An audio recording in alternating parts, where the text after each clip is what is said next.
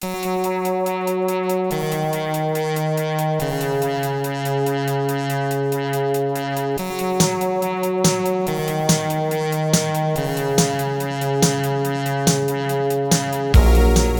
to First Draft with me, Sarah Enni. Today I'm talking to Elana K. Arnold, author of middle grade Far From Fair, out now, and The Question of Miracles, as well as YA novels like Infandous, Burning, and Sacred. Elana has a kind of soothing Zen vibe that I think is best described by calling her wise. She made me fancy coffee, offered me delicious cookies, and then enchanted me for a solid two hours. There's simply no way I can keep this week's podcast to the hour mark, nor do I feel particularly inclined to. There's just too much good stuff here to leave on the cutting room floor. So get a sugar cookie and an espresso and sit back to enjoy the long and worthwhile conversation.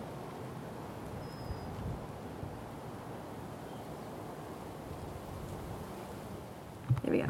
Okay, so hi, how are you?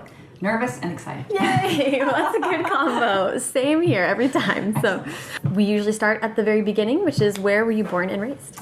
I was born in Redondo Beach, California, Okay. which isn't that far from here. And I was raised mostly around California. You moved around a bunch when you were a kid. I did, yes. My parents moved us a lot. They would buy a house and fix it up and then sell it and then would buy another one. I don't know if they intended to make money doing it so much as that they just liked doing it. And then- Interesting. yeah. Um, very wanderlust type people, but not very far. Like Long Beach to Huntington Beach to Laguna Hills. Okay. Sort of moves, but and sometimes just houses, you know, within the same within the same city even. Okay. But I never lived in a house longer than four years in my life until I was an adult. Wow. Yeah. Wow. Well, and I was going to say that's uh, moves just far enough to put you in a new school, though. Yeah, sometimes I would even move schools without moving houses. Like my, I would just sort of, my parents would announce, my mom would announce I was starting a new school.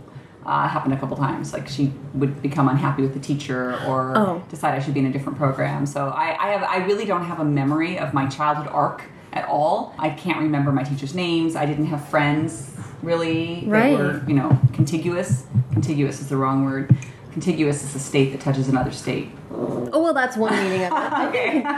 well, I didn't have friends that that lasted for more than a semester or a year or two at a time. Two things, I guess. I want to hear about making a friend, uh, Mm-hmm. bosom friend in high school, and then whether or not that might be what you're writing, what brings you back to that time period of writing and, and thinking about. I think that's super interesting. Yeah, I wanted friendship desperately. I had, my, I guess, I guess my first experience with friends, like real one, was when I was a first grader. I had a friend named Nona who I loved. I loved her so, and we were both sort of. We thought of ourselves as outcasts. Mm-hmm. And then I was sick for about two weeks. And when I came back, she was friends with this other group of girls. and she wouldn't talk to me. And when I confronted her at recess, she said she wasn't my friend anymore because I was weird. And I like came up with this whole speech and I delivered it and she kind of looked at me like so? You know and wandered away. And it was it absolutely broke my heart. And i really do think that it like set the tone for what i thought would happen to me over and over again as far as friends. So i don't know if that's a self-fulfilling prophecy. Nothing like that ever happened that dramatic ever again. But it was it was the worst breakup of my life. It was heartbreaking. I was totally shattered. Did you say that was first grade? yeah. My God. yeah. Because I, I definitely, that happens, especially with girls, I feel like, in uh, like middle school Yeah. and stuff like that. But that's pretty young to be like, Yeah. no, shut down. I down. feel like she like saw an opportunity and took it, you know, like to social, so you know, to raise up a level. But that's okay. I put her in my in um, the question of miracles. So in a in a what kind of way? the psychic Claude tells a story about her first heartbreak, um, and it happens that she, her heart was broken by a girl named Nona. Oh my goodness. The, Nona, uh, if you're out there, I still remember. the writer's revenge. right? I love that. Yeah. Did so you sort of maybe you set yourself up to expect disappointment then with friendships. I think for sure. I, I was so I was always very nervous and never felt at ease and never felt safe. I think um, I was kind of waiting for the other shoe to drop with friends. Um, and then because we moved so much and I moved so much, I was always just sort of an, an outsider and Yeah. didn't feel connected. I was the new kid, which gets you like two weeks.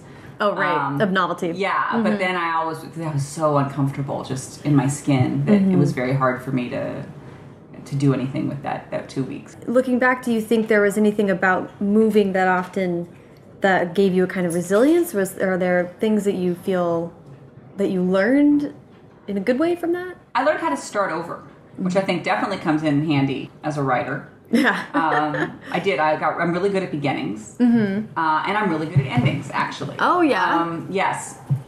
so then the, the concept of home is different for you. Yeah, I think it's very important. And when I had a, you know kids and we got married and and I started having babies, providing and creating that that perfect home was just my only goal. I didn't write at all. My only goal was to create a beautiful home and create a safe environment for my kids where they wouldn't be hurt and everything Yeah. would be great. And that went really, really well for a while. Um, but then one day, my husband was very stressed at work and very unhappy. And then one day, my husband came home and said he'd gotten laid off. And we decided to um, to sell everything and sell the house and all of our furniture and all of our possessions and move our family into an RV and hit the road, which was scary. But he was very unhappy at work, and so we thought, well, what the hell? So we did it. And this was when my kids were um, four and seven. Wow. Yeah.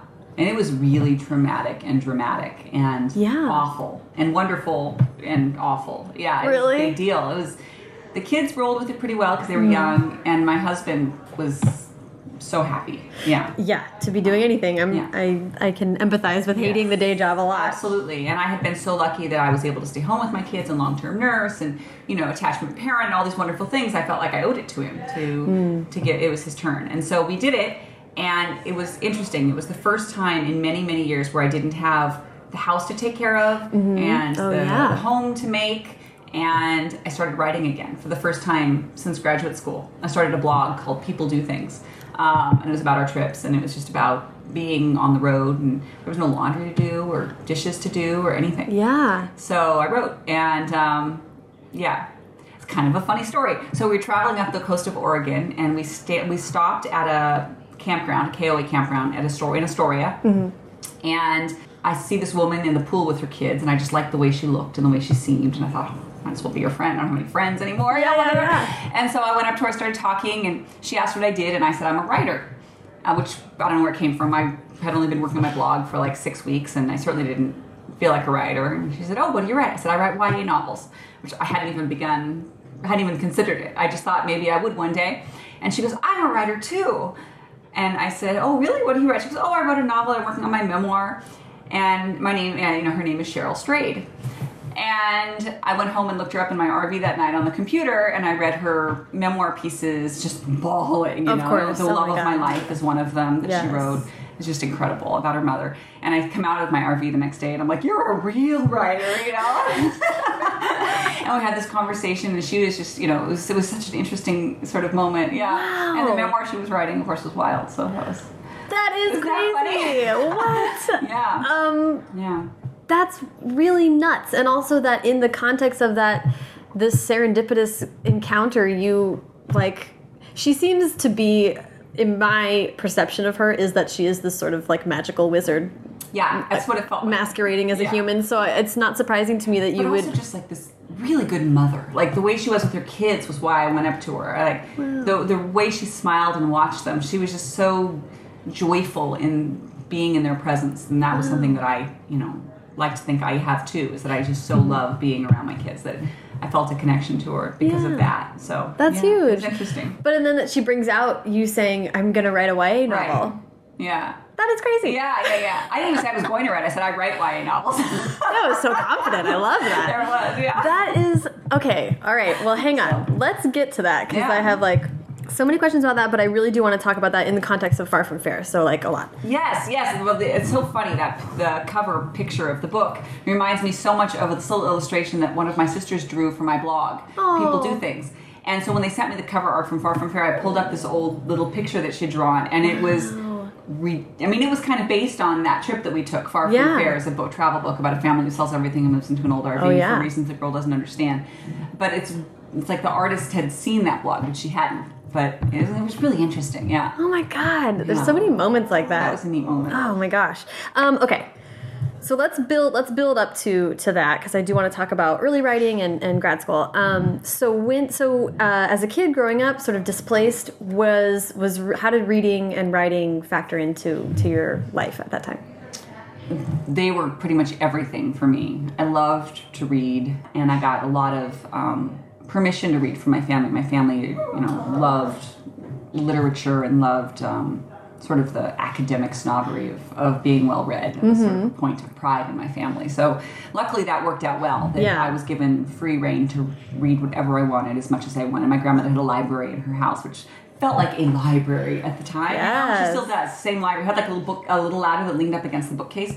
But now you can see it's just like a converted closet of bookshelves. You know. Right. But at the time, it was Oh my gosh, it's Beauty and the Beast. like, was- it, yes, all you need is the ladder, and then ladder, you're yeah. in a magical And I would realm. lay there on the carpet and like follow around the patch of sun, and she'd bring me little gilded bowls of fruit and you know little little sh- sherbets, and Oh and my my, grandfather would come in and bring me little sliced up apples, and they would just serve me food all day long while I read books at their house. Their house was stable. Their house has been there and continues to be there since since my whole life. So So that, was my home. That is super magic. Yeah. Those. Oh, that's so cool. Yeah. So I did. Ha- I have their home was my home, and I still have my nana who's ninety now. Well, reading and writing. Yeah, I was always a reader, and I was just always a writer too. It was never Oh. a question for me that I was a writer growing up. I wrote constantly, but I never thought I was a novelist.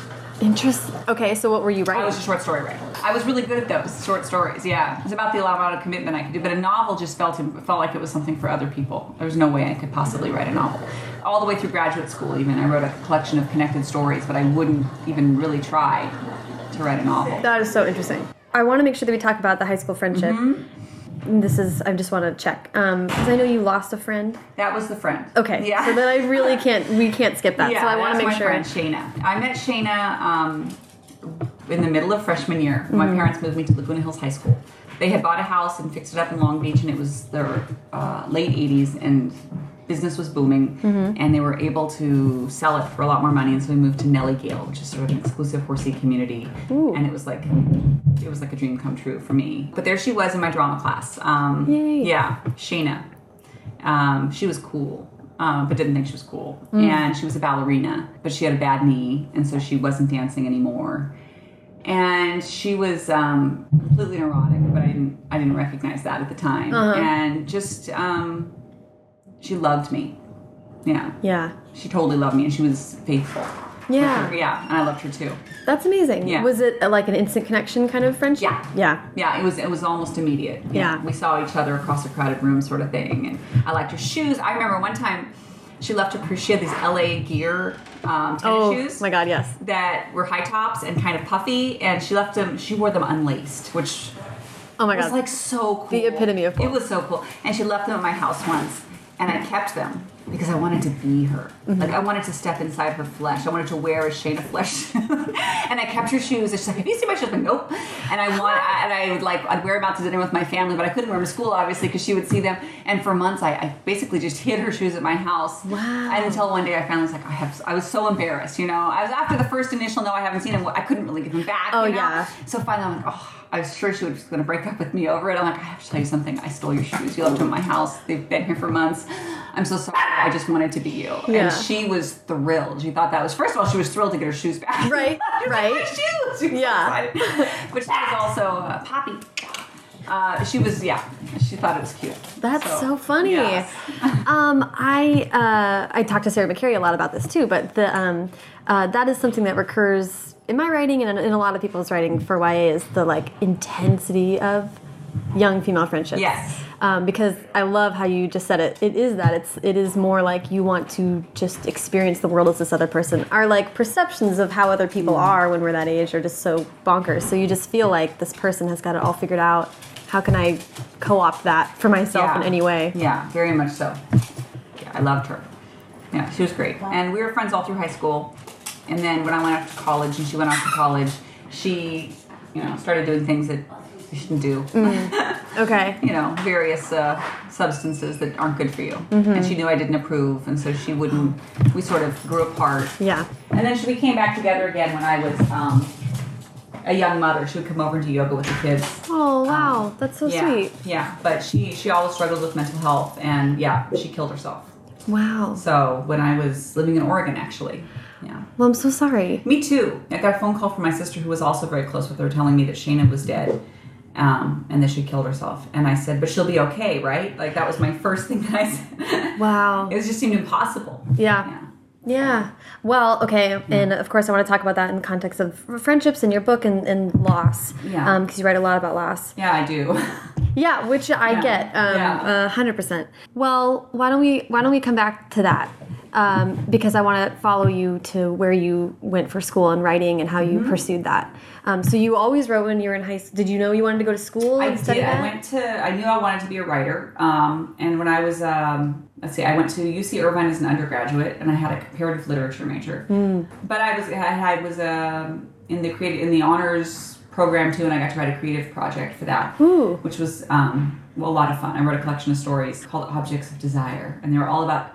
Because you know, I told you earlier how I was sort of fascinated with like the fake nails and the Hmm. pantyhose and all the things that make women women. So I never really felt like, I remember growing up, I, I was just sort of like, I thought people wouldn't even accept me as a she. I remember just, Really? yeah, I didn't get boobs for a long time. And anyway, I was. Mm-hmm. Well, that was the '80s too, when Oh, yeah. being a female was a highly constructed. That's a very good point. Aesthetic. Yes. Like Madonna and Cyndi Lauper were, you know, sort of the, the women that I listened to when I listened. Yeah, so I anyway, this project was all about objects of femininity, objects Mm-hmm. of, that made women desirable, and objects that women desired in the same way. So Oh my God, where is that? I want to read. I know, this. right? I was thinking about I was I, a while ago. I was thinking I should have a character who's a writer in a story, just so I can like plot my stories. Oh my God, do it! I would, I would love that. So one of them was about pantyhose. It was called "She's Got Legs" with you know the L Yes. apostrophe. Yes, and one of them was about shoes, and another one was about a wedding dress, and um, Oh, wow. one of them was about falsies.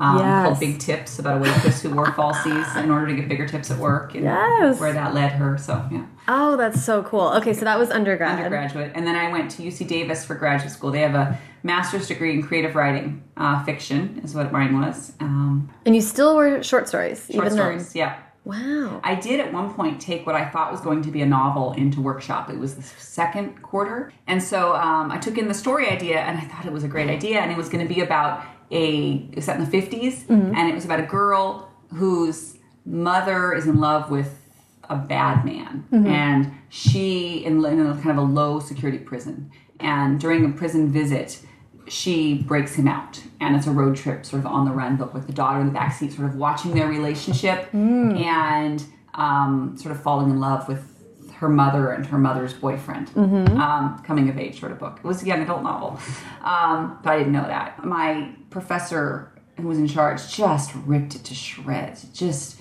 you're in, you know you're at a literary program and this is no place to write genre fiction. And if you want to write genre you should go do it somewhere else Uh, wow. and I was, I didn't even know I was writing genre fiction. I was writing about a young, yeah, that's like contempt. yeah, it's Sounding. just- It's just, it's about, it was about a teenager. I think it was just you know anything that's. Wow. I think anytime we so devalue young females that a story with a young female at its center is by nature genre crap. You know, I only had seven pages. How bad could?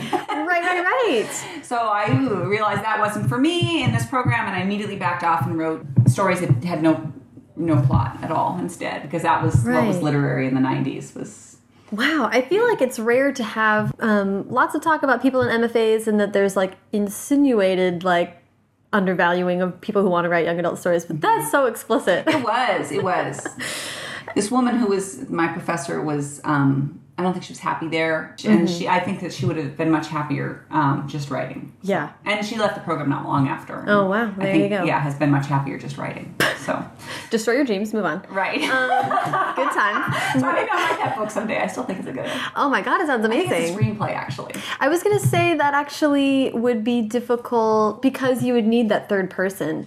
It's like Room, you know, mm-hmm. which was obviously hugely successfully done, but to have her not really getting Yeah. what's going, you know, that would be limiting, challenging. Certainly, you could do it, but a screenplay would be really successful. Yeah, I think it, it's like kind of Crazy in Alabama by Mark Childress mm. inspired meets um, Thelma and Louise. Sort Yeah. Of. Um, yeah, sort of how I see it. Oh, that's so cool. Yeah. Yeah. So if anybody listening wants to talk about a screenplay, Um, I like it. Uh, the literary, more literary stuff that you were continued to write for that program. Were you still? I mean, were you still loving that? I did. I was very hard for me because I felt like I was a fake because I didn't. I didn't have the experiences I was writing about. You know, Ah, I was such a young person, and I lived, lived really a very quiet life. I hadn't had, you know, I very, I'm a very priv- was a very privileged young, safe person, and so I. I remember even thinking, "Oh, I wish bad things would happen so that I'd have something to write about." Right. At the same time, of course, you know, I felt awful even thinking. Right. Uh, but I really felt like I was just writing stories that did no good to anyone, and you know. Uh, but what was interesting is I was able to take the structure because never is a page wasted of my my graduate thesis, which follows the gestation of a mare from inception to the birth of the mare, and I picked up that whole plot, like the you know structure of it, and plopped it into uh, Splendor, which is the sequel to Sacred, and it follows a mare's nine month, just ten month gestation period.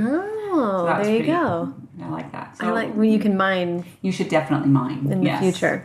Um, where so so when you leave that program, did you ever place short stories? Did you feel like I'm going to go write a whole bunch of short stories now? Yeah, I really wanted to um, sell short stories, but I'm also terribly disorganized. and this was the 90s, and everything had to be mailed, and you had the SASE, and you had to keep track. And I sent out a few, and I got a few rejections. I got one really good re- rejection from the Paris Review, which I just stumbled upon the other day. Oh, wow. And it said, "We're sorry, we can't take the story. Please send us something else." And of course, I never did because Oh, that's yeah. the other part of being a writer. I think because I just all I could read was the rejection. I didn't, you know, see that it was a good rejection. Right. Um, but I went to uh, the Squaw Valley Community of Writers uh, on a scholarship the summer after I graduated with my master's degree, and I had my collection of stories. And the first one in the collection is about uh, this woman, a horse trainer, taking her mare to be bred mm-hmm. with a stallion. Mm-hmm. With a, it's called live cover, which is when you actually let the stallion get on your mare. It doesn't happen that much anymore. It's all insemination. Oh, oh, oh, So yeah. yeah, this yeah. story, she sort of and she sort of takes her boyfriend's son with her to watch this thing because she thinks it's going to be nature, it's going to be beautiful, and it's not. It's like violent and and people are involved, and it's it's very rape like and disturbing. And an agent there read the story and told me she loved it, and what I consider you know, turning my collection of stories into a novel. And so I said, yes, of course. And then I realized I had no idea how to do that. And I spent several years not doing it and feeling like an awful person um, for not doing it. So you had this period of sort of not and and but still writing. Mostly not. Mostly just Yeah. hating myself for not writing. Yeah. And staring and fin- thinking like I didn't have enough time to write, which was very funny because I, I had plenty of time to write. right. uh, but- but just, just, just really, really deeply hating myself for failing to have done the thing and having it so close. You know, Yeah. here's an actual agent who was interested, Right. and who said, "Yes, I'm interested. Send me this thing," and Yeah. I just sort of and you can't do couldn't it. do it. Yeah. I was reading something recently about um, uh, doing the thing. Oh, it was Story by Robert McKee, so it's a screenwriting book. And I have it upstairs. Oh, and his writing is is wonderful. It actually was like a very moving book. In it, he says something about it's really it's actually not difficult to do a thing. It is enormously difficult to decide to do a thing. That's interesting. And to me, that felt that resonated big time because I think there's so we just we rake ourselves over coals because we just flail at the precipice of doing the thing. Yeah, I agree. It's so scary to do I to agree. actually do it. And that's how it was for me. For many years, I didn't write, and I would tell myself, you know, every every year or so, every like, oh, this year I'm gonna write. I'm gonna do it. I'm gonna write mm-hmm. a novel. And come October, November, I'd be like, oh shit, I forgot to write the novel. Like I would forget for eight months that I was Wow. a writer. You know, it was just gone. And then I was having jobs, and I, I was married, and I had a baby, and I and I got sick. Um, and then I got another had another baby, and then the whole thing happened with my you know with my husband, and we hit the road. And then we landed in Corvallis, Oregon, and it was after I'd met Cheryl Strayed up at the top of Oregon, and we landed in Corvallis, Oregon. We both applied for jobs, and I got one, and he didn't. Uh, I was teaching at the OSU. Oh, yeah. Um, Yeah. teaching composition, and then I got really sick. I was really really sick. They thought I had MS. I couldn't see my papers anymore to like grade them. I was like moving the papers around, trying to you know. Oh wow. I was, and uh, I remember walking across campus carrying a stack of papers in the rain, just miserable. And I said to myself, if I ever get the chance, I will finish a novel. Like I will do it. I will actually write a novel if I ever, because I didn't think I could. I was, you know, I couldn't even. I had to leave the school because I was so sick I couldn't grade anymore. I was Wow. on medical leave. So we moved home, and I got better almost right away. Within like six weeks, I felt better when we moved home. Um, I don't know why. What's up with that? I don't know. Yeah, and they did all these tests, and they said I I. I had one doctor said I had benign MS, which means you have MS. It's just that it hasn't progressed enough enough for us to medicate you. So come back in a year, and you'll be sick enough, and at that point, we'll call it regular Oh. MS. And then I had another doctor who said, You don't have MS because I have all the spots in my brain, but not on my spine. So she said, It's not MS, you just have a weird brain. I said, I'll take your diagnosis instead. Yeah. And that was the last time I went into a doctor for that problem. Uh, and the vision cleared, and I felt much better. I don't know what was the matter with me. I was super anemic uh, up in Oregon. I don't know, maybe the weather didn't agree with my brain. Maybe That- there was a mold issue. I don't have any idea what it was, but I felt better. Wow. So we moved home. My husband got another job that he didn't love, and we kind of went back to status quo, except without the beautiful house. You ah, know, we lived yeah. in a house that was a, probably haunted, if you believe in that. Oh. Kind of, uh, yeah, it was this house in Long Beach that was it was a shared property, and it was mm-hmm. it was fine. It was mm-hmm. it was a good place to land, and I had no reason not to write. You know, mm. everything had been cleared away. And so I decided I was going to write a novel. A good friend of mine actually, she said, "You know what you should do? You should write a young adult novel because Twilight was big." And I thought to myself, "Yes, I should." Like I was going to do that. I remember now I was going to do that. And I got the idea for Sacred. Um, I wanted to write a book with a, about a boy who had some sort of abilities where he could like sense where a tragedy was about to happen, a violent crime was about to be committed, and he felt compelled to interact, you know, to stop the violent crime from happening. But Yeah. he had no actual abilities to make him, you know, he wasn't a superhero in any way, except that he knew where something bad was about to happen. And he meets this girl on a horse trail. And it's really her story. And for the first time, he's compelled to a person instead of to a place.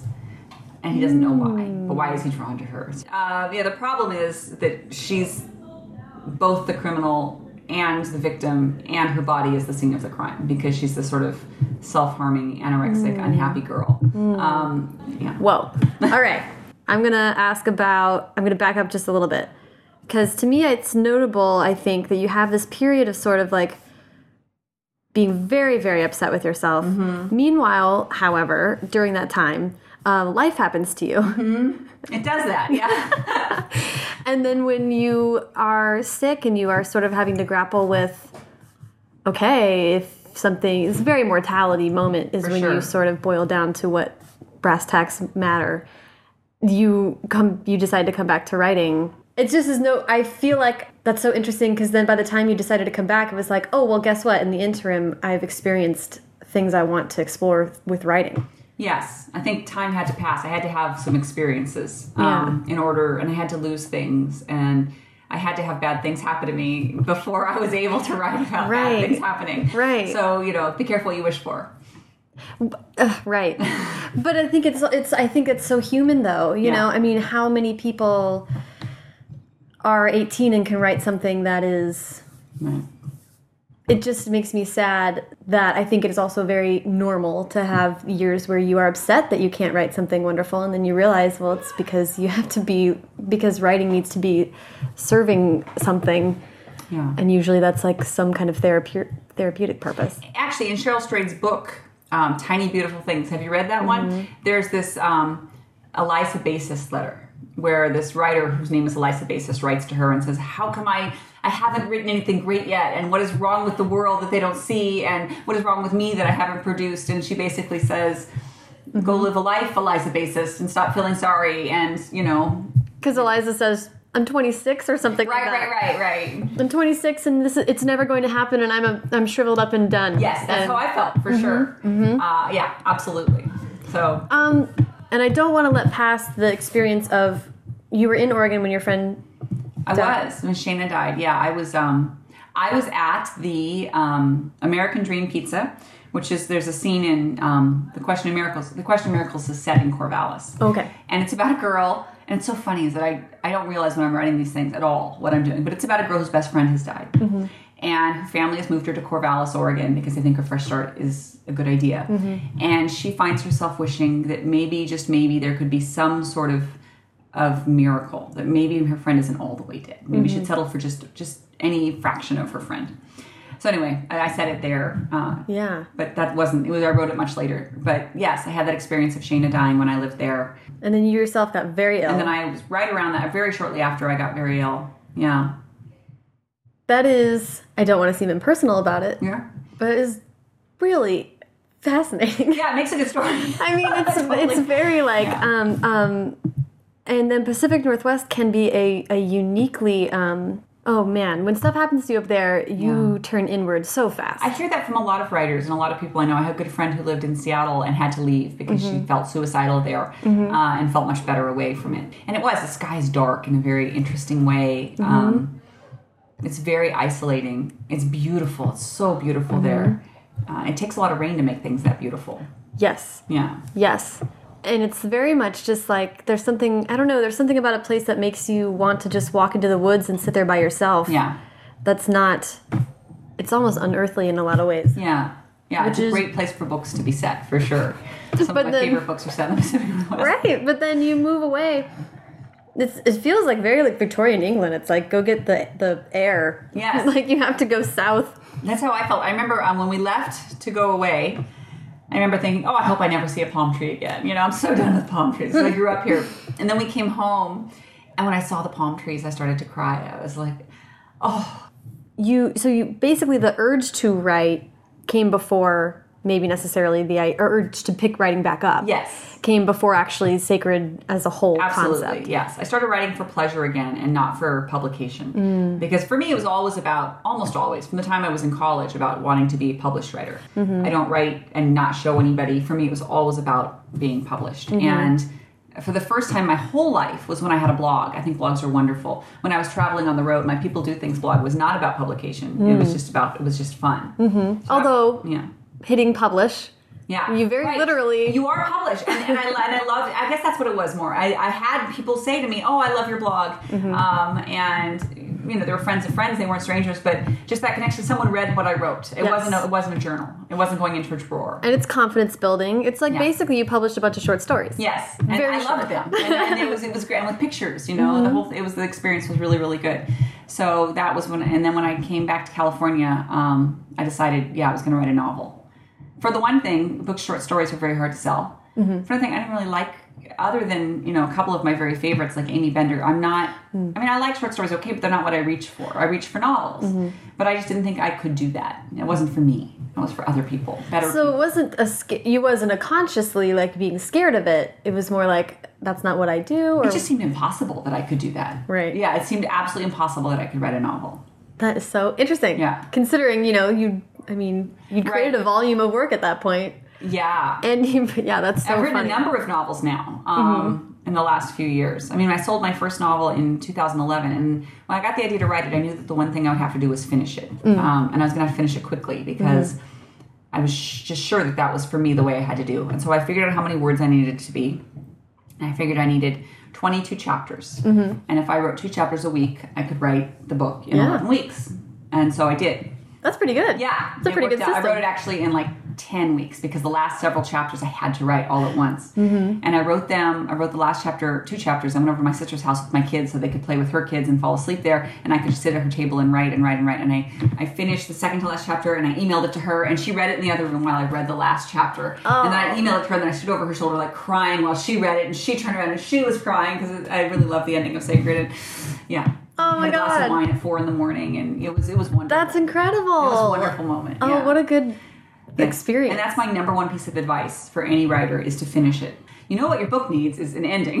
right, right, right. And you can't learn how to write a novel until you've finished writing a novel, it turns mm-hmm. out. Because mm-hmm. you can't, I mean, I see people who finish six chapters, like, well, should I start over and rewrite? Because now I have to, like, no, don't. Just go go forward, get to the mm-hmm. end. Because the end, then you can look at this thing that you've made and you can see what it needs. I really want to talk about sacred being the beginning of sort of a, a theme that I see through your work, which is very much skirting uh, reality, where uh, the line between what we conceive as real everyday life and kind of mysticism, maybe another other worlds kinds of things. It seems to permeate a lot. That seems to be something that interests you. Yeah. I think that's true.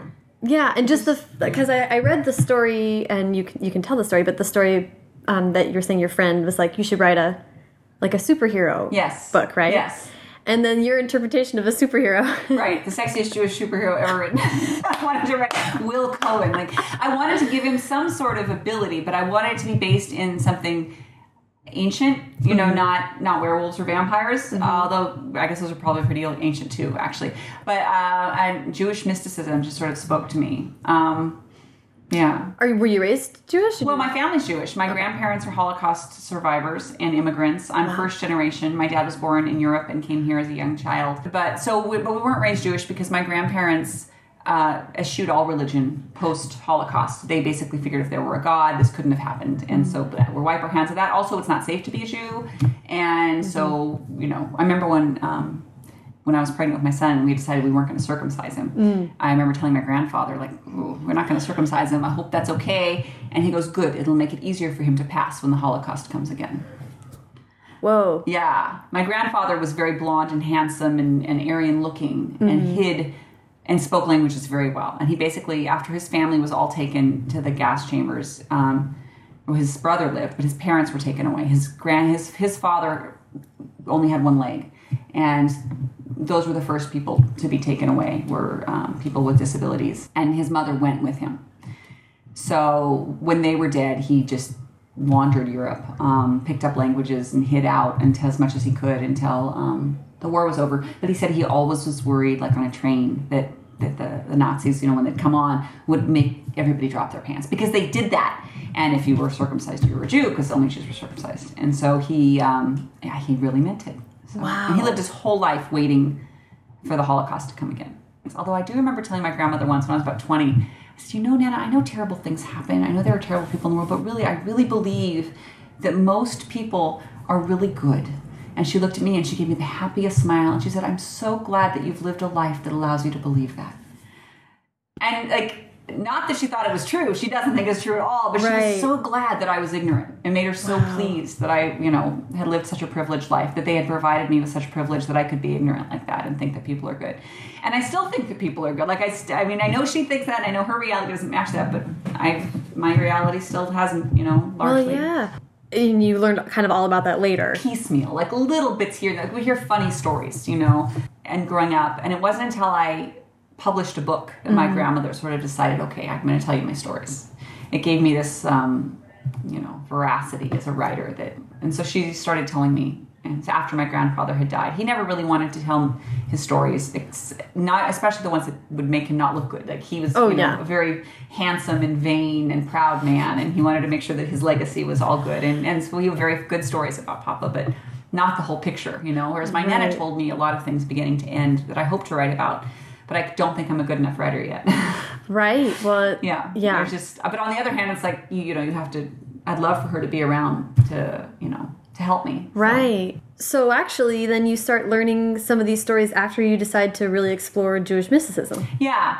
What I, one thing I really love about writing is it allows me to become, uh, to fall into a subject, you know, Oh, yeah, very, yeah. very deep. And so I became obsessed with Judaism. I started taking classes on Judaism. I took a Judaism introduction to Judaism. I was the only single person there. Everyone else was there because either their husband to be or their wife to be was converting, and I was just sitting there Wow. uh, myself uh, at the JCC, and I very much became obsessed with like, am I Jewish? Mm. You know, Mm-hmm. do can I do I count as Jewish? And um, I remember I went and saw. I was also taking a Kabbalah course with a um, an Orthodox um, rabbi, and he told me, no, you're not Jewish because my father's family was Jewish. I was going to say, if So this was not your Jewish. mother, then So then I asked the Reform rabbi, "Am I Jewish?"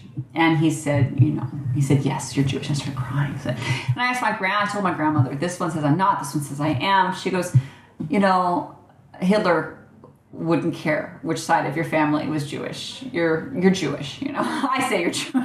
there you go. so that was, you know, okay, my nemesis. You got a majority. right. So it was an interesting. It was it was an interesting time for me. Um, I'm not religious, but just I wanted. I think I was really wanting a connection to my to my history. Well, absolutely. I was going to say that's the sort of the wonderful and and so fascinating thing about uh, uh, Judaism and its history is that it is not really religious. If I mean, it doesn't have to be that. Yeah. To be a, a deeply fundamental. Yeah, way of life for you. Mm-hmm. Is is you know a term that I became familiar with during my my yeah my deeply Jewish period of writing Sacred and Splendor, which was. You know, I mean, the, I wrote the first book in 11 weeks, but then there was a big break between then and when I had the nerve to write Splendor. Splendor, Hmm. it looks like a romance novel. It kills me that these books look like romance novels because they're not romance novels. They're romantic, especially Sacred. But they're not romance novels. Um, but Splendor sounds like a romance novel too, but it actually means the book of Zohar, which is the central text of the Kabbalah. So Oh. Zohar translates as splendor. So it's not Oh, splendor in the grass like romance novel. It's it's the central text of the Kabbalah. It's a very important religious text. Yeah. the book of Zohar. I wanted to call it the book of splendor, but just the sacred starts sort of all of these things that I feel like are are that go through all of them. I do want to talk about because uh, Will is is dealing with sort of that side of things, your re- religious side. What's Right. um, you used, I think, the term, or I read about your books, the term ecstatic mysticism, Yeah. which is like I love, I love that sort of trance. Like it, it Right. invokes all of these feelings of like really transcendent thought and thinking about being more than human. But Scarlett is dealing with trying to be human yeah, uh, to the best of her ability, which is uh, which is difficult for her because she is grieving. yeah. So you're sort of dealing with those two things at the same time. I mean, this is also a grief book for you, yes? Very much so.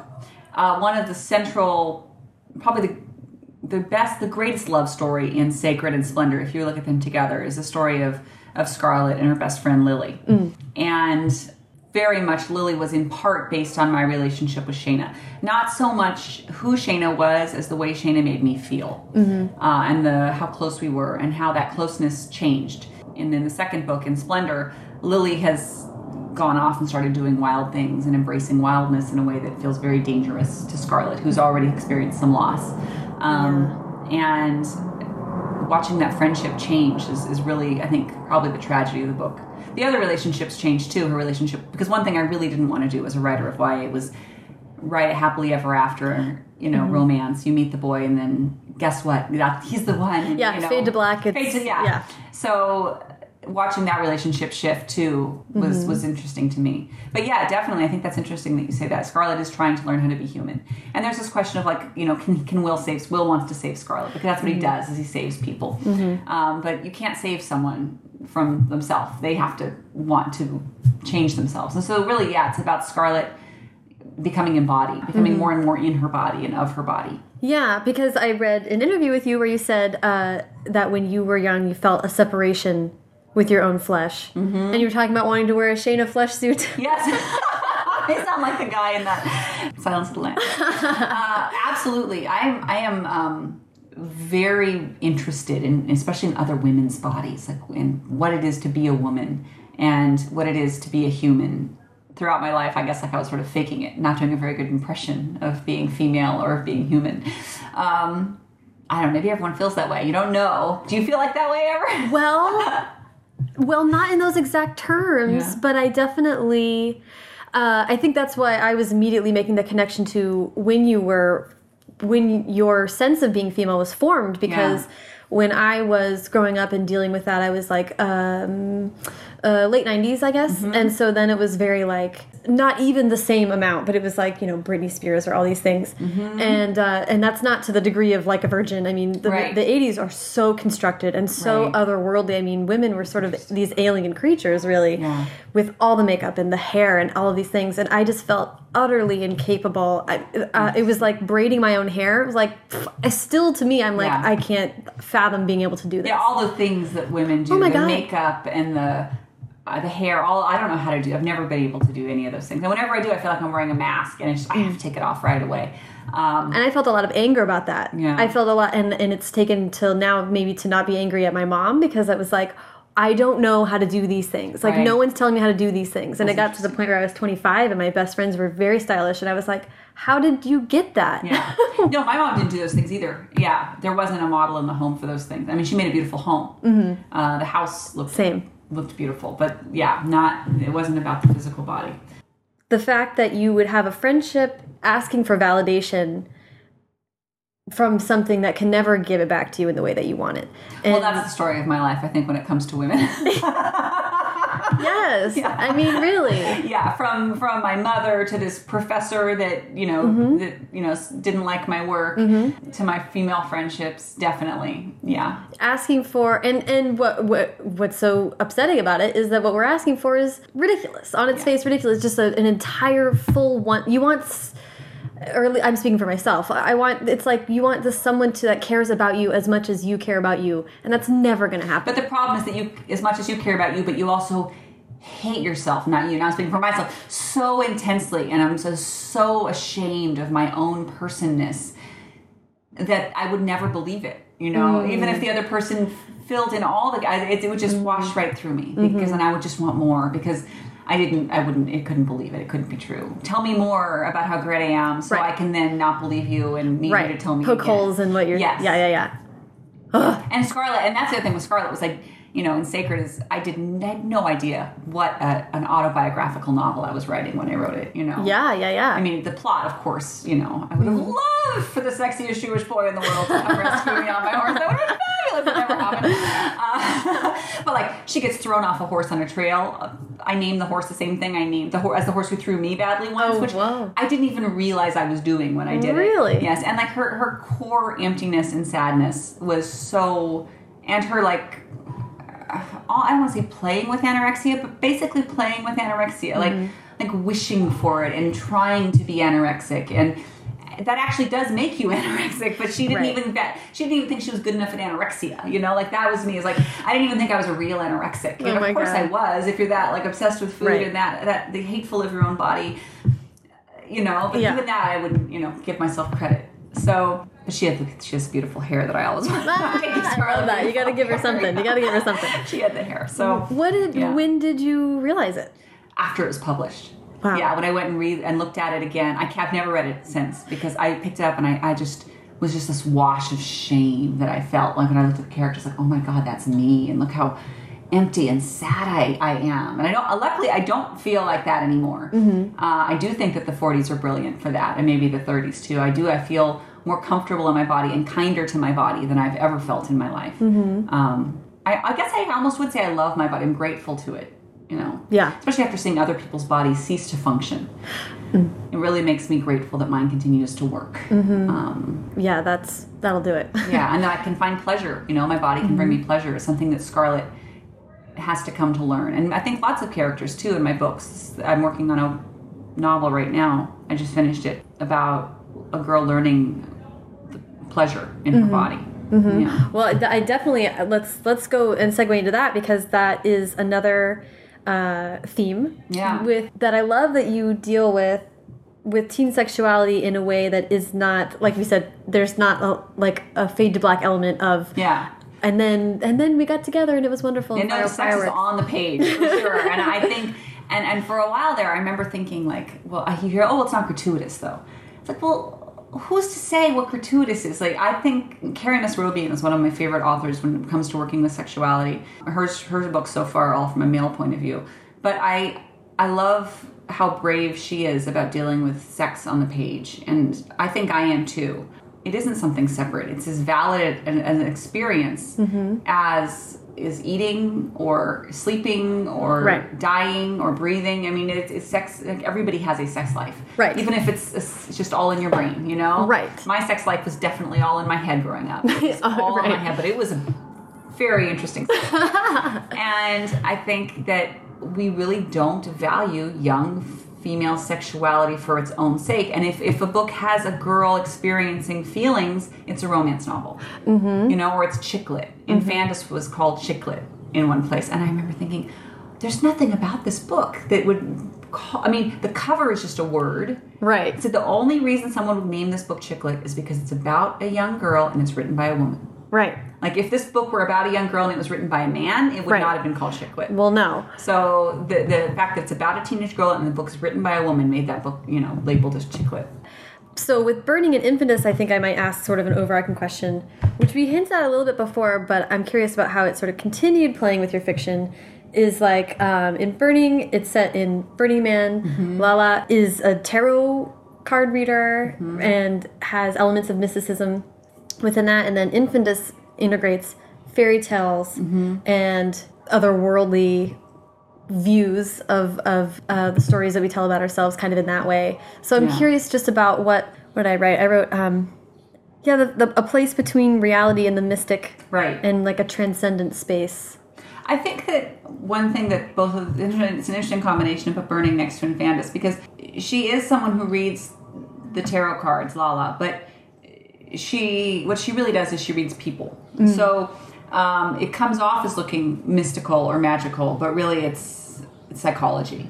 The, the the fairy tales and mythology that's in Infandous, I think one thing the reason I, I like to use mysticism to make reality more real as ways to deal with or to understand the truths um, that you can't get away from, like death and. Um, and Infandous, the character Sephora has done something so terrible she doesn't have the words for it, and so she's trying to come to terms with it through her art and rehashing of old fairy tales and fables and surfing. But ultimately, it's about coming to terms with the reality of what's happened in the in the real situation. Uh, someone put that book on a list with the wonderful Laura Ruby's Bone Gap as um, magical realism, and I was like, I don't think it's magical. It's not magical realism. It, it's realism, you know. Right. With and and magic, how how mysticism or, or I guess fairy tales can act as metaphors, as mm-hmm. opposed to changing the actual reality of the story. Mm-hmm, I mm-hmm. guess I'm I'm a realist, but Yeah. I'm still fascinated by you know the ways that the, the the language of magic can help us to appreciate or come to terms with or accept sometimes ugly parts of what's actually happening. Well, right. It's helpful to be able to create monsters. Um, Yeah. or to identify them as such and then get to use that word. Which Yeah. I don't think we allow ourselves to use that word in real life as often as it's merited. Monster? Monster. Yeah, I think you're right. I think that's true. And that's something that Infandous does too, I think, is that one of the things about a monster is that it's it's ancient and it's old and so it's mm. powerful out there, but you wouldn't put it in reality. Mm. And that's the thing with Infandous is that it looks at these really awful, awful fairy tales. Mm-hmm. And they're made slightly more palatable by the fact that they're from long ago. Mm-hmm. But I take some of those same elements and I make them happen right now. Mm-hmm. And they become like too awful to really you know be read. I have people who've, who've said that it's the most disturbing book they've ever read which I was like, really that's kind of cool and you know surprising or they they love it but they don't know who they would hand it to or how, how they could hand it to a teen um which i think well that's kind of a problem That is a big writer, problem. right? then I guarantee that person knows a teen who needs that book. Right, like librarians who say, "Wow, I'll share it with my fellow librarians," but I, I don't think I could really recommend it to a teen. Like, What? Well, maybe they'll just place it on the shelf and let them find it. Maybe Yeah, it's, yeah, I think yeah. it's the kind of book people have to sort of pick up themselves as opposed to. Yeah, I don't know if I would hand it to a teen either. If I would be like, here, you have to read this. 'Cause, Right. You know, like my own teens in my life, I, I tell, they say, can I, you know, do you have a copy? Can I read your book? I'm like, maybe ask your parents to read it first. and it's, that's fine with me. I, Right. I'm not again. I'm not going to tell you no, but you know, you might want to someone to talk about with afterwards. Right, right, right, It's- it's- yeah. It is. It's a pretty hairy book.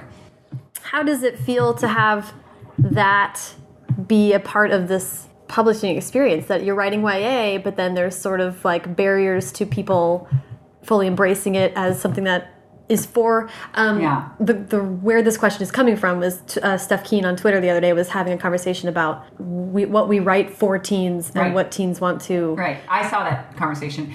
I'm of the I don't write for teens. I just write books about teens camp. It's more and more too. Sacred. I think I wrote for. I had a very. I had a teen in mind in my brain. I was writing. I was trying to write YA, and every book since then. It's, it's been my YA world. It's become less and less true. Where I'm more interested in exploring the teenage condition, as Andrew Karre is sort of famous for saying. He's the editor. He was the editor at Carolrhoda Lab. He acquired Infandous. Now he's with Dutton. He's acquired Steph Kuehn's next. Yes, yeah. it's, they're. Um, I can't wait to read what they come, what they do because she's brilliant and he's brilliant. But uh, when I'm writing, sometimes I'll get to a spot and I'll be, I'll say to myself, "Oh, I can't imagine that's going to get published," you know, or "Ooh, what would I feel if my kid read that?" And Right. I, I like have been known to literally get up and jump up and down and put my fingers in my ears and yell, "La la la la la la la." it's like it's none of my business if anyone reads it. It's none of my business. My business is just to write it. And so I, you know, I write awful things, and I say, I can always take it out later. But then I, you know, I like the awful thing, and it stays. I was going to say, but how does the awful thing make you feel? You obviously feel compelled to write it. I feel compelled to write it. Yeah, I tr- I really, as for someone who is obsessed with being published as I am, which is funny because I was obsessed. I am not really that obsessed with writing saleable books. Mm-hmm. I'm just obsessed when I once I get a hold of a story idea. I just really want to see what happens with Mm-hmm. it, uh, and I don't really know. Especially, you know, more and more I've moved away from plotting Interesting. as I've gotten into weirder territory with my YA. This new book that I just finished, I had no idea how it was going to end. I wasn't even sure I finished it. I got to the end, and I think I wrote it, I wrote it on Twitter. I think I just accidentally finished my novel. but um, so that's the exploration of it is interesting to me. Okay, so let's talk about kids now. Okay, yeah. So- I don't just write about the the, the, the highest furthest tip of adolescence. I, and I do think maybe, and well, I'm curious about when you decided to to write middle grade, and if that's if going in that direction and keeping kids in mind has allowed your YA to sort of become scarier. I think so. Yeah. Actually, I, I completely have to say it's Rubin Pfeffer's fault that I wrote middle grade. Rubin Pfeffer is the world's coolest name for an agent. It is. is. He's my agent, Rubin Pfeffer. But one day, Rubin Pfeffer said to me, at that I was sitting at the same kitchen table when I was talking to him. He said to me, "You know, Elana, he's from Boston. Oh my Elana, God. you should write a middle grade novel." And I thought to myself, I'm going to do it and I'm going to blow his socks off. I remember thinking, I'm going to blow off Rubin Pfeffer's socks. And in my very sort of pragmatic way, I said, it's going to be 15 chapters. If I write a chapter a day, I can do it in 15 days. In two weeks, I can write a middle grade novel and I'm going to blow off Rubin Pfeffer's socks. And I did it. That's And it was The. Question of Miracles. And I finished it on New Year's Eve. Um, I was going to skip the last day, but my kids were like, no, Mama, you have to finish it. Remember, you're going to blow off Rubin Pfeffer's socks. Oh my You have to finish it tonight. And so I stayed up and they fell asleep. And the next morning they woke up all groggy. Did you do it? You know? And I was like, I did it. And I got to the end. And the end is the exact same as it was. Much more has grown in the middle, but the first draft was finished in 15 days.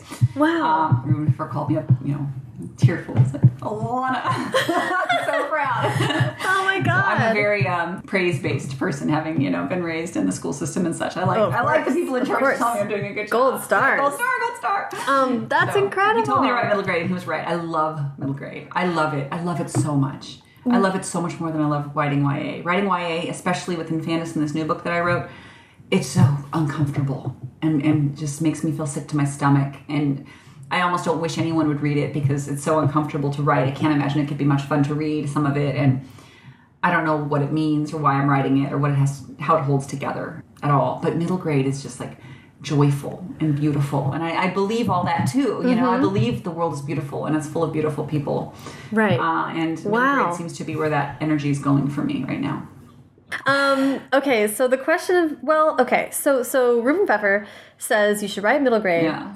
Then do you say, "Oh, I have this great idea for it." How does how does Question of Miracles happen? Uh, I just decided Corvallis would be a good setting. I want. I started with setting with that book, and I knew that a place full of rain has to be a place that someone's moved to because something sad has happened. And um, you know, I sometimes I wonder, I'm like, am I right enough about it? Do friends keep dying? People keep dying. People keep having sex. Like, why do I keep having these same things come up over and over? I'm like, you know what?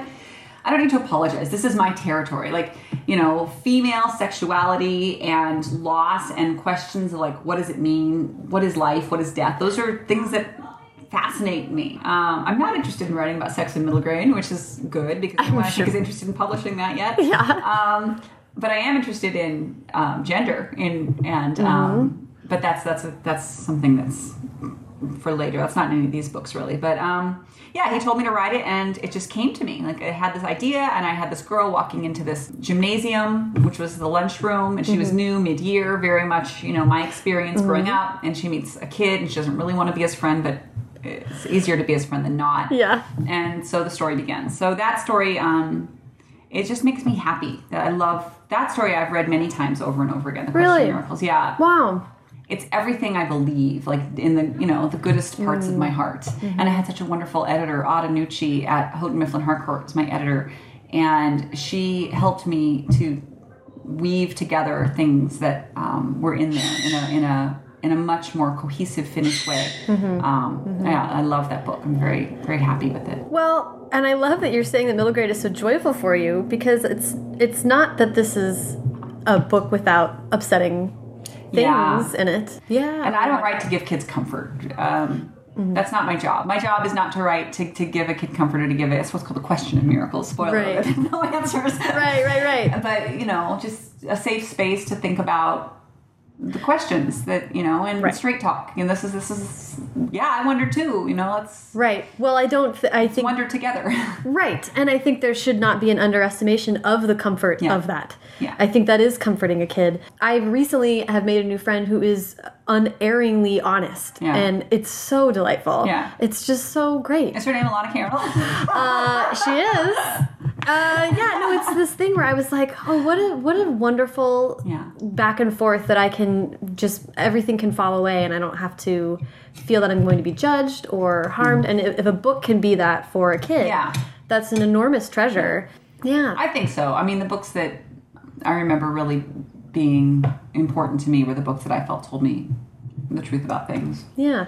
What? So, oh, I do want. I would love to hear you talk about the story of the miracles in the Vatican and your real. Oh yeah, that's an interesting story. So I'm writing this book, and I have this character named Boris, and I just know that he's he's just this kid who's um, obsessed with apples in this book. And then I remember I have a friend whose son was not supposed to live during gestation, um, and a group of nuns who knew the family prayed to Pope Paul VI that he would be that he would live and that he mm-hmm. would be okay. And he was born okay. You know, he he healed in utero, Wow. and he was born pretty healthy and didn't need any life saving surgeries. Wow. And so the group of nuns told the Vatican that Pope Paul VI performed a miracle, and Pope Paul VI, the Vatican investigated and agreed that it was a miracle.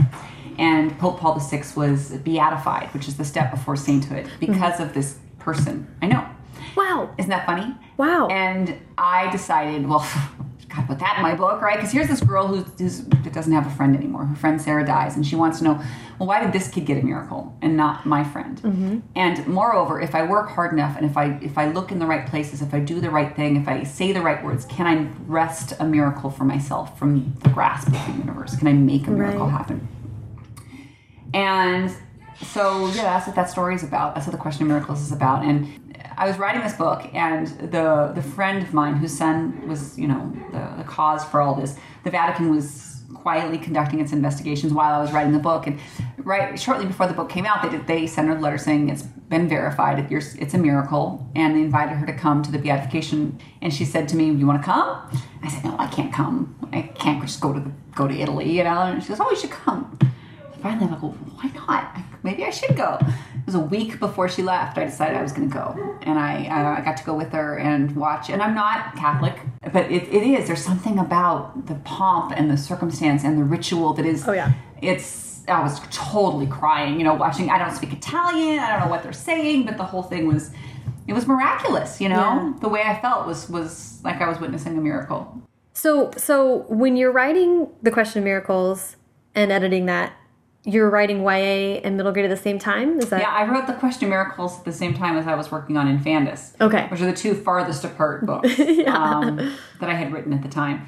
Uh, and I really like it. I think it's kind of palate cleansing to go Mm-hmm. from one to another, back and forth like that. Um, so yeah, I did. I wrote them, uh, and they came apart. They came out a month apart from each other. Oh wow, Um, I didn't realize that. Yes, in well, two months, I guess. So, say uh, the Question Miracles came out in um, February of 2015, and Infandous came out April 1st. Oh wow. Uh, and I was like waiting for someone to tell me I couldn't do that. You know, they're different publishers, but I kept waiting for someone to say, "Wait a minute, you can't write middle grade and this dirty, sexy stuff. Like, that's not okay." You know, We Like, see you. we see you, right? I kept myself, well.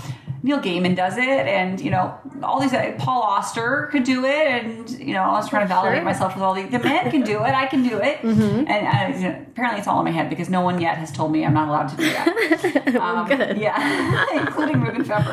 Rubin Um, Pfeffer, yes. How has it been to write books that are just totally free of questions of sex and sexuality? It's so wonderful.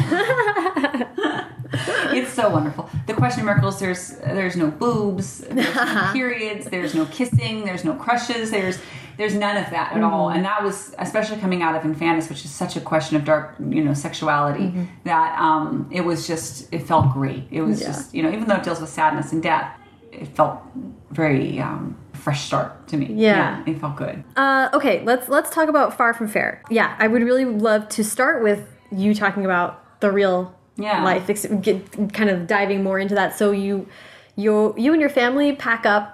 We did, except the difference is that my kids were five and seven and very malleable still. You know, they didn't even think to say, "We're not, we don't want to do this." Whereas now my kids are the age of the characters in that book. Uh, in the book, the girl is almost 13 um, Odette, and she's not okay with what's happening to her. Right. Um, and so that was interesting to sort of look at it and think, wow, what would my kids right now? How would they react if we tried to do that now? Yeah. And and the question too of um, how much of a right do we have to radically changed the lives of these little people, you know, without, and I got moved around a lot without, no one asked my opinion. Right. I remember once they did ask our opinion and we told them no, we moved anyway, you know. so I think that's interesting, you know. Yeah. You have such little amount of power over these enormous things when you're young. And and it sculpts the rest of, of your life. Yeah. Yeah, life happens to you a lot. Um, Yeah. Let's go. W within this book, you're also uh, dealing with a, a sick grandma. yeah, I wrote a dead grandmother story, dying grandmother story, which I was like, oh my gosh, can you do that even? Like, isn't that like just a cliche? I remember thinking, like, wow, I did that. Uh, yeah, there's this question deals with um, the right to die um, and the Death with Dignity Act, which is, I think, important. So I started off this book thinking I'm going to write something fun because uh, I'd written Question of Miracles. It's, it's it's it's sad. It has a lot of sadness in it, and I wanted to write something fun. I might write a road trip book, and it's going to be hilarious. And it is. There's parts of it that are very very funny.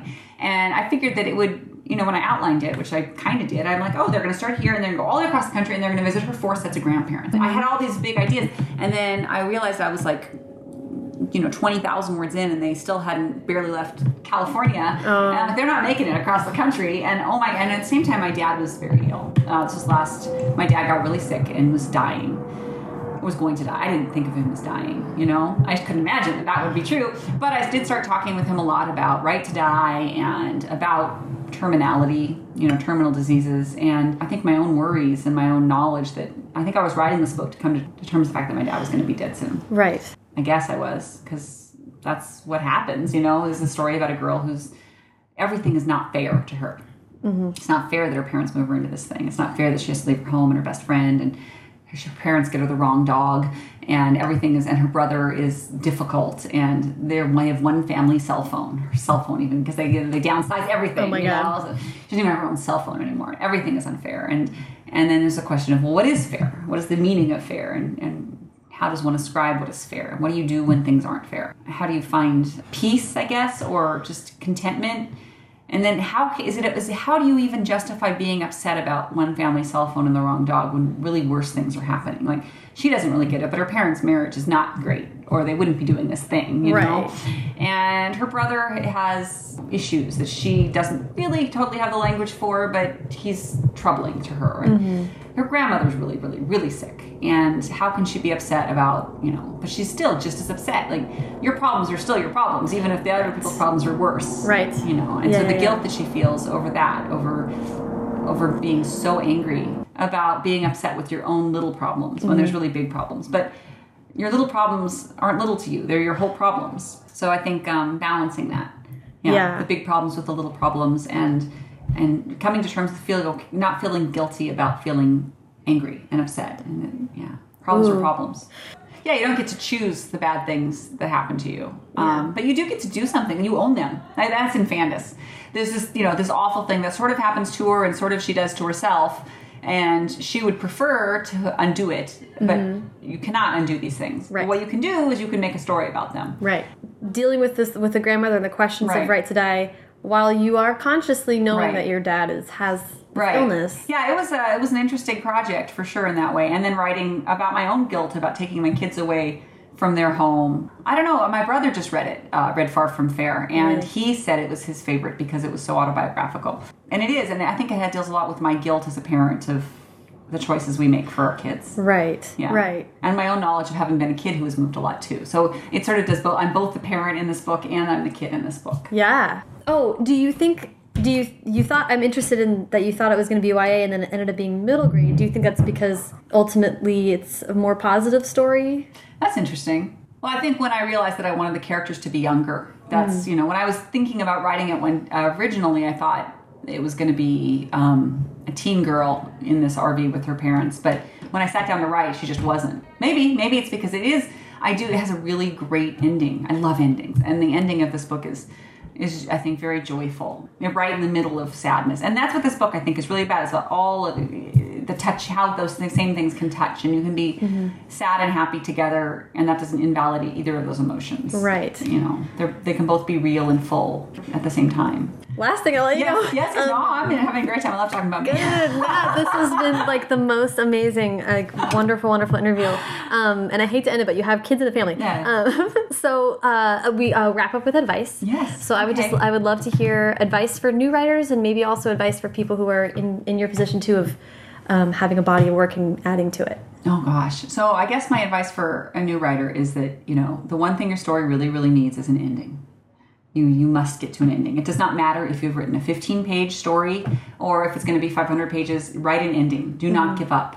Even if you hate your book, do not do not stop and start another book. Mm-hmm. Finish. There's value that you, you cannot know how to finish a book until you finished a book. So get to the end of whatever it is you're writing now, mm-hmm. or even if you have six projects, pick the one that's. Don't pick the one you like the best. Pick the one that's the closest to done and finish it. Mm-hmm. And then you'll learn from having finished it, and you can apply that to the other projects. So I know so many people with half finished novels in their drawers. I don't have any half finished novels in my drawers. I'm against it.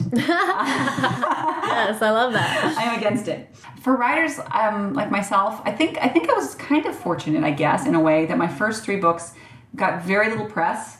I had no idea there were stars to Right, get. right. You know, starred reviews didn't even know that, that such a thing existed, uh, which is a good thing because I didn't get any of them. Uh, I didn't know there were awards or lists to be got on. This is the first year that either of my books is even maybe gonna be on any of those lists or win any awards, which would be great and I would love it. But I'm so glad I didn't know about it any sooner. I think my advice for other writers like me is to try very, very hard not to look at another writer's path. That's what I find myself clicking away from as much as I can, um, and to remind ourselves that um, the work is in the writing, and that the rest of the stuff, even who's going to read or if it's going to be read, is really has to be none of our business. Yeah. it's just it can't be our business. It's it's hard for it not to be our business because we can communicate with readers now so easily, and it, it does. It's a it feels good to see the reviews, even the bad reviews. At least you know someone's reading it. I think. Um, That's true. but I try very hard to remind myself that that I'm not a critic. I'm not a public speaker. I'm not a, a pundit or a political person. I just I'm a, I'm, a, I'm a writer, and so I have to just you know focus on that as much as I can. And my sister once says to me, I love this line. She said she didn't make it up, but she's the only person I've ever heard say it. Never compare your insides with someone else's outsides. And all you can ever do is compare your insides with someone else's outsides. Right. So that's another way of saying never compare.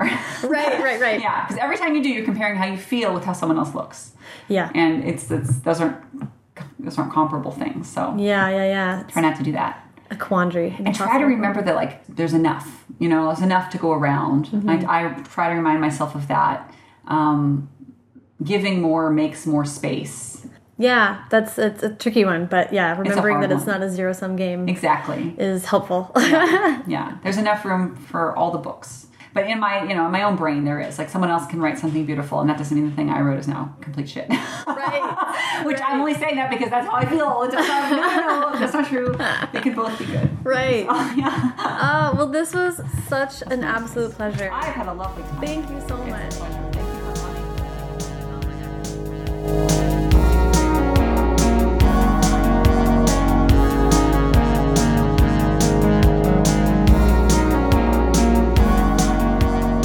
Much to Elana. Follow her at Elana K. Arnold on Twitter, and follow the show at First Draft Pod and me at Sarah Enni.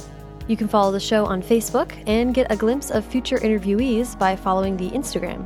But for links to everything we discussed in this week's show, as well as my favorite quotes and updates, check out firstdraftpod.com.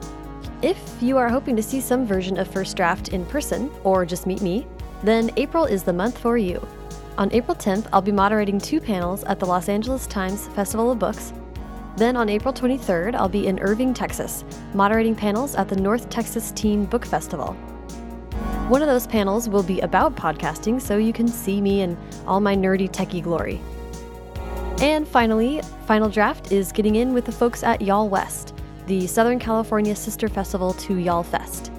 This year, Y'all West will be held on April 30th and May 1st in Santa Monica, California, and I'll pretty much be running around all weekend at Santa Monica High pretending like I'm in Clueless. Get into it! If you enjoyed today's episode, and I pray that you did, think of leaving a rating or review on iTunes. Every four star review brings me closer to wandering old growth forests in a white cloak like Gandalf the White. Thanks to Hash Brown for the theme song, and to Colin Keith and Maureen Gu for the logos. And as ever, thanks to you, deep thinkers and feelers, for listening.